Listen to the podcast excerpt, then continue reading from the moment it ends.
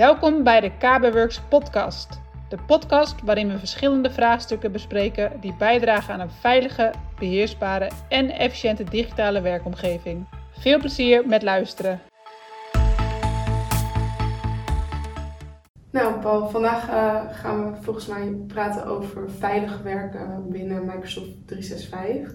Ja. Um, en als ik het heb over veilig werken, wat versta jij daar dan onder? Ja, het gaat heel breed. Maar de eerste stuk wat ik heel belangrijk vind, is dat MFA bijvoorbeeld aanstaat. Ja. Weet je wat het is? Of? Nou, ik weet het wel, maar misschien kan je een beetje toelichten uh, wat je Ehm, erover staat. Ja, MFA is eh, Multifactor Authentication. Dat betekent eigenlijk, als jij nu inlogt, eh, in dit geval jij, dan zou je, krijg je dus op je telefoon een sms of via een app kun je eh, zeggen van oké, dit cijfertje komt overeen. Ja, Dus eigenlijk wat ervoor zorgt dat je op eh, meerdere manieren wordt geauthenticeerd. ja, Eh, zodat wat je heel veel ziet gebeuren op dit moment is bijvoorbeeld dat ze in China aan het proberen zijn om in te loggen op een account. En als je geen MFA aan hebt staan, blijven ze net zo lang doorgaan totdat eh, Het lukt. het lukt. En met MFA zou je elke keer een bericht krijgen van hey, eh, je probeert in te loggen, ben je akkoord? Als je dan twee of drie keer zegt van nee, of het is jouw telefoon is in Nederland bijvoorbeeld en ehm, eh, ze probeert het vanuit China, ja, dan, eh, zullen, dan heeft Microsoft een mechanisme dat ze automatisch dat IP-adres blokken. oké. En op die manier heb je dus echt een veilige, eh, in ieder geval de eerste beveiliging. Dat, dat is echt de eerste schil. Als we dan verder gaan kijken, dan hebben we eh, eh, Microsoft Teams en SharePoint. En dan Ja. gaat het vooral over de documenten in eerste instantie. Ehm, daar is heel erg belangrijk van ja, wat wil je beveiligen, hoe wil je het beveiligen. Ehm, wat we heel vaak zien is bijvoorbeeld dat eh, bestanden worden gedeeld met Ja, iedereen. ja, klopt. Ja, Dus eh, jij krijgt een link van mij en die link die kun jij doorsturen naar andere mensen en dan kunnen ze nog steeds bij hetzelfde bestand. ja, Wat natuurlijk heel gevaarlijk is eigenlijk, want zo kun je bedrijfsinformatie doorspelen naar andere bedrijven, zelfs naar je concurrenten. ja, en volgens mij is het ook nog zo dat die link dan oneindig kan worden doorgestuurd, toch? Ja, ja dus die kan echt oneindig doorgestuurd worden. Ja, Ehm, dus dat is een stuk waar je eigenlijk vanaf wil. Want ja, je wil, en het is dan ook nog afhankelijk van wat. ja, Want je kunt je voorstellen, als wij een, eh, stel we maken het budget voor 2022 in dit geval, ja, dat wil je niet bij je concurrenten. nee, dat... eh. Dus, eh, maar stel dat ik een film maak over of marketingmateriaal wat gedeeld wordt met iedereen, ja, Ja, dan... dan is het prima dat het overal, overal gedeeld wordt. Ja, Dus daar moet je echt gaan kijken van hoe, welke informatie mogen we wel delen, welke informatie mogen we niet delen. ja, En eh, dat kun je instellen, dat noemen we governance, eigenlijk het beleid. En in het beleid gaan we kijken, wat zijn jouw instellingen? En dat ligt natuurlijk ook aan de grootte van je bedrijf. Er zijn bedrijven die hebben alles op één eh, SharePoint site staan. ja, precies. Sterker nog, sommigen hebben het zelfs op een OneDrive staan. Ja. Wat ik absoluut niet zou adviseren, maar goed. Hè. En, en even een sidestep, waarom zou je dat afraden?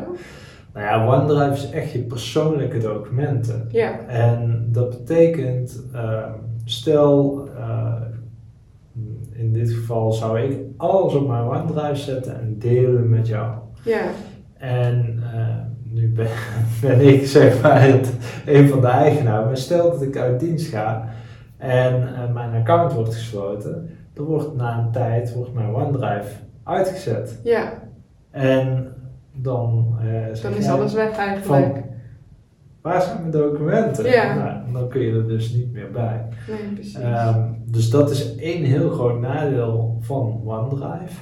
Ehm, wat eigenlijk alleen maar dient, in mijn ogen, voor persoonlijke documenten. ja, precies. En eh, je persoonlijke documenten waar je aan werkt, misschien voor een klant, voordat je ze naar SharePoint zet. Ja, En ook daar zijn eh, qua veiligheid, is dat dan wel weer ehm, belangrijk om te weten. Als jij op een Windows machine zit en je hebt documenten op de desktop staan, wat 9 van 10 keer mensen ja, hebben. Je kent wel van die vellen dat men, of van die desktops dat mensen alleen maar icoontjes op hun bureaublad hebben staan. zeker. Ehm, wat allemaal bestanden zijn waar ze aan werken. En dan wordt die laptop weggehaald. Nou, die bestanden ben je sowieso kwijt. Dus dat is een hele Ja. hoop tijd. Met OneDrive heb je, eh, kun je het zo instellen dat standaard je desktop en je document eh, folder van jouw PC wordt ehm, gesynchroniseerd. Precies. Nou ja, dat soort dingen, als je het dan over veiligheid hebt, dat zijn sowieso al dingen waarvan ik denk van, is heel basic eigenlijk, Ja. maar wel heel noodzakelijk.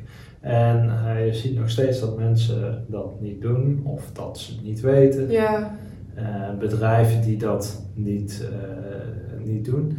En als je me vraagt, zou vragen van, ehm, maar op de bureaublad zetten, eh, hè, ja, heel veel bedrijven willen niet dat je iets überhaupt op het bureaublad zet. en dan, waarom is dat dan? Nou ja, omdat dat dus vanuit vroeger niet gebackupt werd, of Ja. in ieder geval niet gesynchroniseerd werd. Ehm, nu met deze oplossing wordt het in ieder geval naar je OneDrive al vastgezet. Ja, Maar als je mij vraagt, zou ik het in een SharePoint of een Teams omgeving. Ja, precies. Dus als we heel eventjes kort samenvatten, dan is dus eigenlijk, we begonnen eventjes met de toegang, dus het dubbele slot, de Ja. MFA. Ehm, en, en daarna gaat het eigenlijk heel erg over beleid bepalen. Wat zijn de instellingen die horen, op wat voor manier delen we. eh, en dan is het heel belangrijk dat, je, dat, dat er eigenlijk verschillende SharePoint sites zijn. Zodat je voor iedere site weer iets anders kan instellen. Zodat site A puur eh, bijvoorbeeld intern gedeeld kan worden of specifiek gedeeld. En eh, site B, dus bijvoorbeeld een marketing site, heel breed Ja. eh, gedeeld kan worden. Ehm, en daarnaast even de sidestep over, over OneDrive hè, en waarom je vanuit je OneDrive ehm, ja, niet eigenlijk alles op je OneDrive moet hebben willen staan. Of dat als organisatie in ieder geval moet je dat niet willen, omdat je anders dat veel documentatie verloren eh, Kan. kan gaan. Ja. Ja, ja, dat klopt inderdaad. En als we dan even teruggaan naar het stukje waarbij dat ik net had over marketing en eh, een Ja. andere site, dan is dat op deelniveau. ja Maar je hebt natuurlijk ook nog te maken met de rechten. zeker. Dus er zijn natuurlijk mensen die, eh, bedrijven, die hebben alles op, eh, op één SharePoint site staan. Of Ja. in één team. Iedereen kan overal bij. Ja, Wat op zich eh, ligt aan de openheid van de organisatie, is prima. Maar wat we wel eigenlijk aanraden, is eigenlijk altijd om te kijken van oké, we hebben altijd verschillende afdelingen. Je hebt een directie, je hebt een HR, eh, Ja. nou, noem het maar op.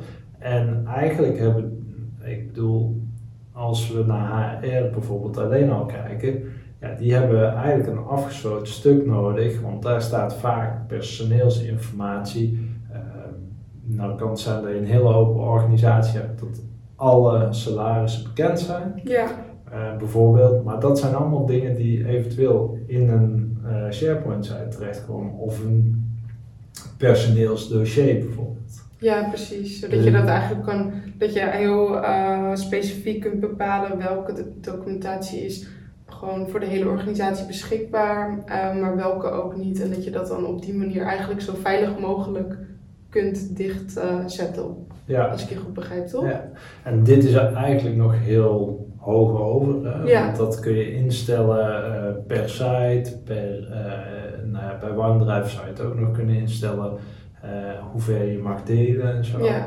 Ehm, Maar dan hebben we het nog niet gehad over bijvoorbeeld eh, bestanden. Eh, stel dat standaard het beleid is, jij mag delen met externe. Ja. Weliswaar eh, moet je een bepaalde persoon daarin zetten. Maar er zijn gewoon bestanden die absoluut niet naar buiten mogen. Ook al staat de site op Ja, delen. Dan hebben we het over eigenlijk een stukje klassificatie.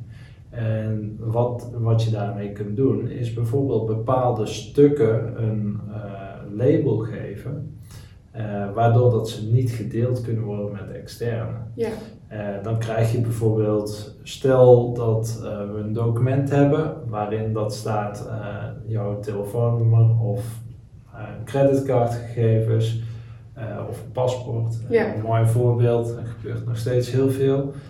Ja, dat wil je helemaal niet naar buiten hebben. Dus die Nee. documenten wil je gaan labelen ehm, en eventueel kom ik even terug op het HR.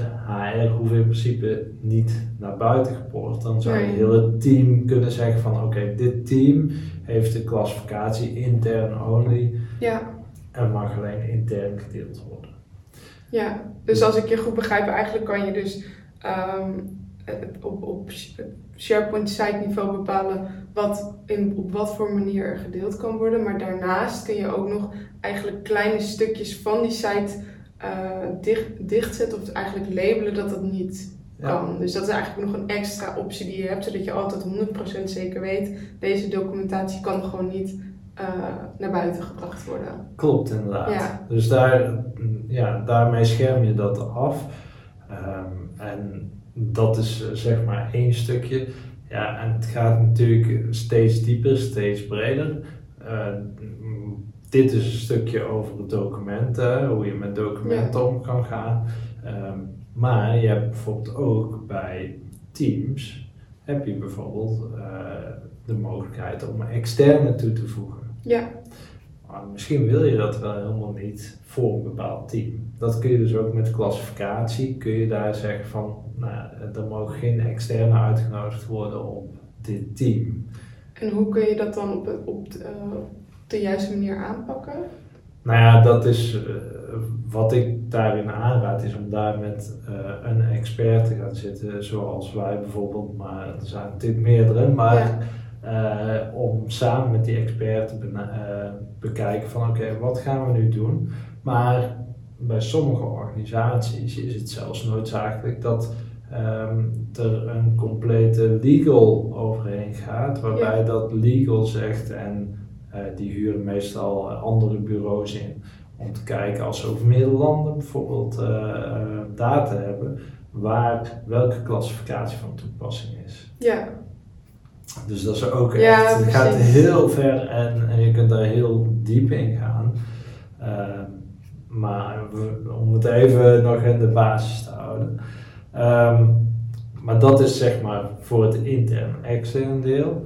Ehm, maar dan heb je bijvoorbeeld een vervolg zou zijn, bijvoorbeeld bij meetings. Hoe Ja. ga je om met je meetinginstellingen standaard vanuit eh, je bedrijf? ja, nu is het zo dat bij ons eh, staat bijna alles open. ja, Ehm, maar heel vaak moet je wachten in de lobby.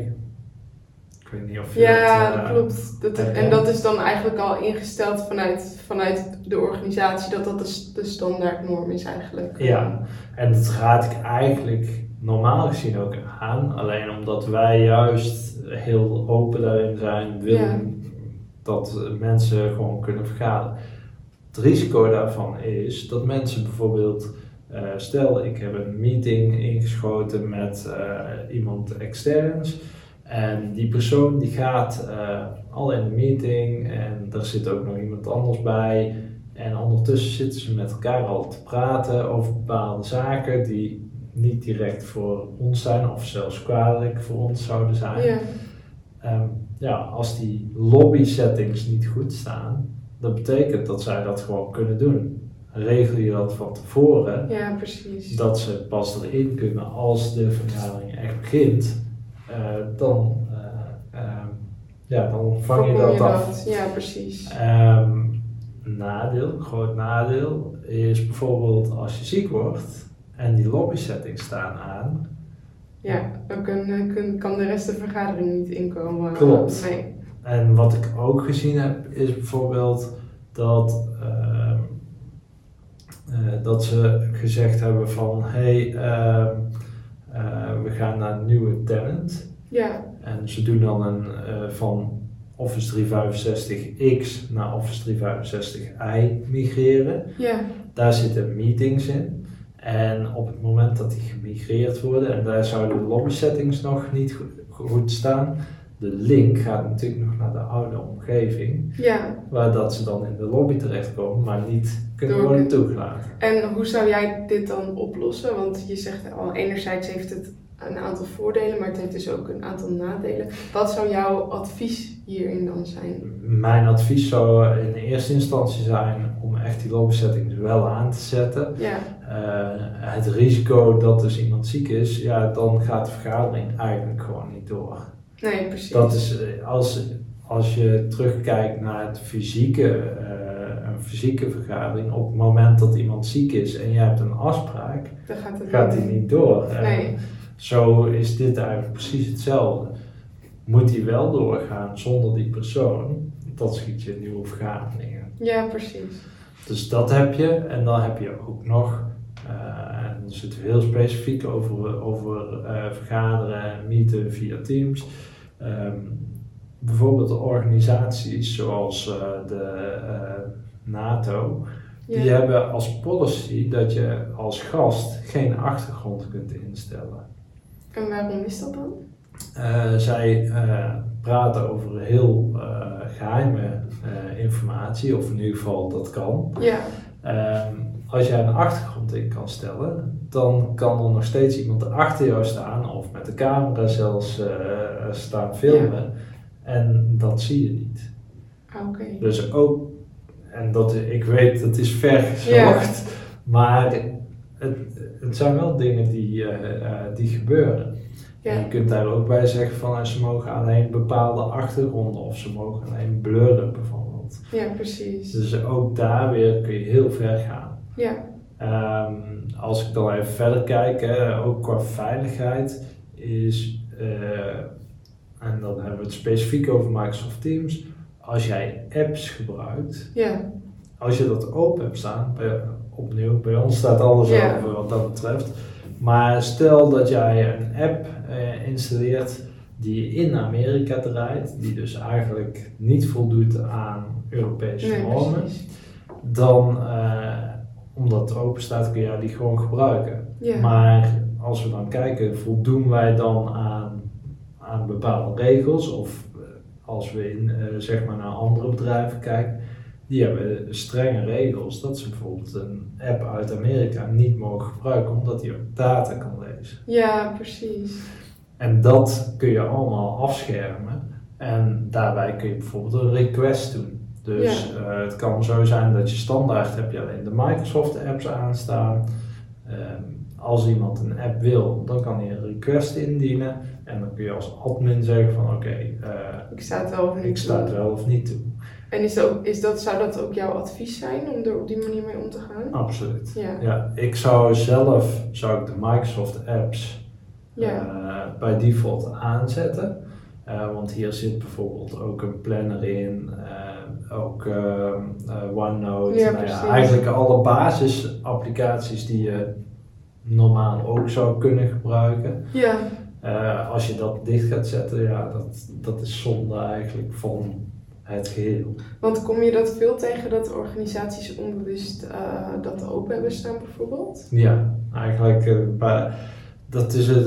Kijk, als we kijken naar Teams en is nog een vrij nieuw product eigenlijk. Ja, vaak ingezet op het moment dat eh, corona om de hoek kwam kijken.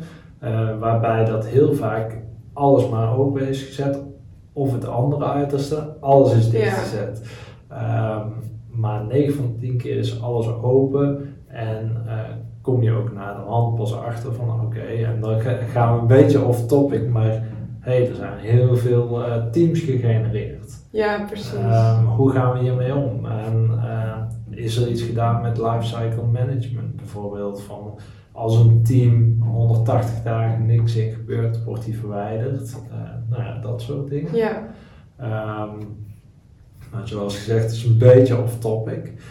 Uh, als we dan even nog verder gaan in veiligheid, is ook iets wat heel vaak wordt vergeten, is backup. Ja.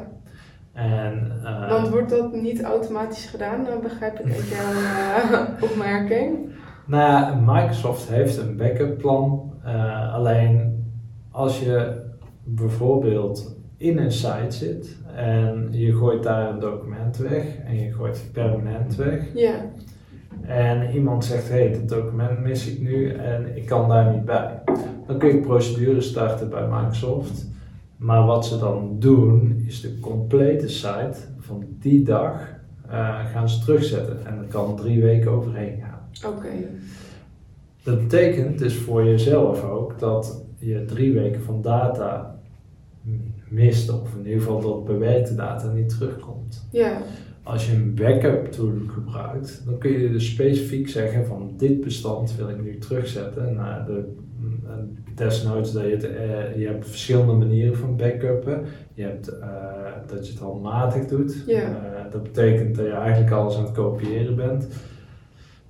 je hebt de manier dat je kunt zeggen van elke dag wordt er een backup gemaakt. En je hebt een manier waarbij dat je het elke vijf minuten gewoon kijkt van wat is er gewijzigd en dat er een backup wordt gemaakt. Belangrijk is natuurlijk dat doe je eigenlijk altijd met een third party tool. Ja, precies. Dus het is niet zo dat, um, uh, dat je dat zelf eigenlijk gaat doen. Dat is bijna onhandelbaar. En, ja. Uh, ja, nee, dat, dat wil je niet. Nee. Um, zelf, als wij kijken binnen de organisatie, gebruiken we onder andere AvePoint en Veeam hiervoor. Ja. Dat zijn twee uh, superproducten. Um, waarbij dat, uh, dat we vaak met AvePoint uh, samenwerken hierin. Ja. Um, maar absoluut heel belangrijk om ook in je beveiliging weer mee te nemen. Precies. Dus als we nu even kijken, we hebben best wel veel onderwerpen al besproken. Hè? Dus Ja. eigenlijk begint het, alles begint natuurlijk met een, goede toegang, dus de MFA. Ehm, dan is het belangrijk dat organisaties gaan kijken en bedenken uh, hoeveel SharePoint sites gaan we gebruiken. Eén kan, maar dat is lastig uh, met het extern delen vooral. Ja. Hoe ga je om met delen, extern delen per site? Uh, daarnaast hebben we een stukje gehad over data labeling, zodat je echt specifiek de bepaalde data echt dicht kan zetten dat het niet gedeeld kan worden. Uh, we hebben het nog gehad over uh, externe toevoegen in teams. Hoe ga je daarmee om? Kan dat zomaar? Zet je dat helemaal open of juist dicht? Een stukje meetings hebben we nog besproken hè, over de lobby. Uh, en als laatste eigenlijk uh, het backup verhaal. Uh, zijn er nog belangrijke onderwerpen die we overgeslagen zijn hebben op het gebied van veiligheid? Of die hier echt nog in dit rijtje bij moeten? Nou ja, je kunt natuurlijk steeds verder gaan. Ik denk dat we nu heel erg globaal hebben ja. genomen. Maar als we verder zouden gaan, dan ga je eigenlijk kijken naar, oké, okay, hoe gaan we om met ransomware? Uh, ja. Uh, stel dat er heel veel uh, um, mails worden gestuurd met phishing links. hoe ga je daarmee om? En dan zit je echt wat meer te kijken, ook met Intune bijvoorbeeld, of ja. Bring Your Own Device. hoe ga je daarmee om? ook op je mobiel bijvoorbeeld. Ja. Als ik nu mijn mobiel heb, uh, dan kan ik er eigenlijk overal bij. Maar uh, je kun, zou kunnen zeggen met Intune ga ik dat helemaal in een kokonnetje gieten. Ja. Dat dat stuk helemaal gewaarborgd is. En wat daar belangrijk bij is, als uh, je een eigen telefoon bijvoorbeeld hebt en je zou een bewijs van je mail op je telefoon zetten en er zou Intune op staan. Stel dat jij uh, uit dienst gaat, dan halen ze dat uh, eraf, of in ieder geval Ja. dan wordt die data wordt verwijderd. Uh, of als je telefoon gestolen wordt, dan kunnen ze dat heel makkelijk Een wipen. stukje eigen extra veiligheid biedt het. Maar het is wel heel belangrijk om daarin te weten dat ze kunnen ervoor kiezen om het complete toestel te, te wipen. Dat zou wel in overleg moeten natuurlijk. Ja. Maar ze kunnen ook kiezen om alleen een stukje over Outlook te wipen. Oké. En dit is wel heel goed om dat ook mee te nemen in je beveiligingsstuk. Hoe ga je daarmee om? Ja. Want heel veel mensen hebben privéfoto's op hun telefoon.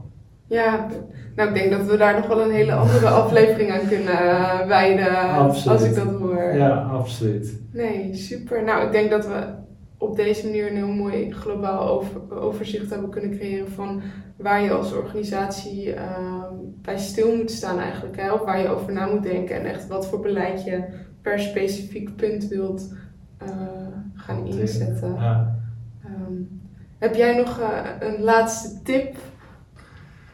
Een laatste tip. Voordat we afronden. Nou, ik denk dat, uh, ik zit even te denken, maar een van de belangrijkste dingen die ik iedereen aanraad, uh, of je nou een bedrijf bent of niet, is als je een Windows device hebt of een Mac device, maakt op zich niet aan, uit, zet in ieder geval BitLocker aan. Oké. Okay. En Bit, even ja, heel even kort over BitLocker. BitLocker, uh, BitLocker uh, zorgt er eigenlijk voor dat je data op je laptop geëncrypt wordt. En vaak wordt het natuurlijk al voor je gedaan. Uh, dat betekent als jouw laptop gestolen wordt, dat ze niet bij de data kunnen. Ja. En dat is denk ik het allerbelangrijkste, want als bedrijf, maar ook als individu, wil je nooit dat je data Nee. op straat komt. Nou, ik denk dat dat een hele waardevolle laatste tip is. Nou, heel erg bedankt voor al je, al, alle kennis die je gedeeld hebt vandaag. En uh, nou, wordt vervolgd, denk ik. Absoluut. Leuk dat je erbij was. Wil je meer over KBWorks weten? Kijk dan op onze website www.kbworks.nl. Deel je inzichten met ons. We vinden het tof als je een review achterlaat. Tot de volgende keer.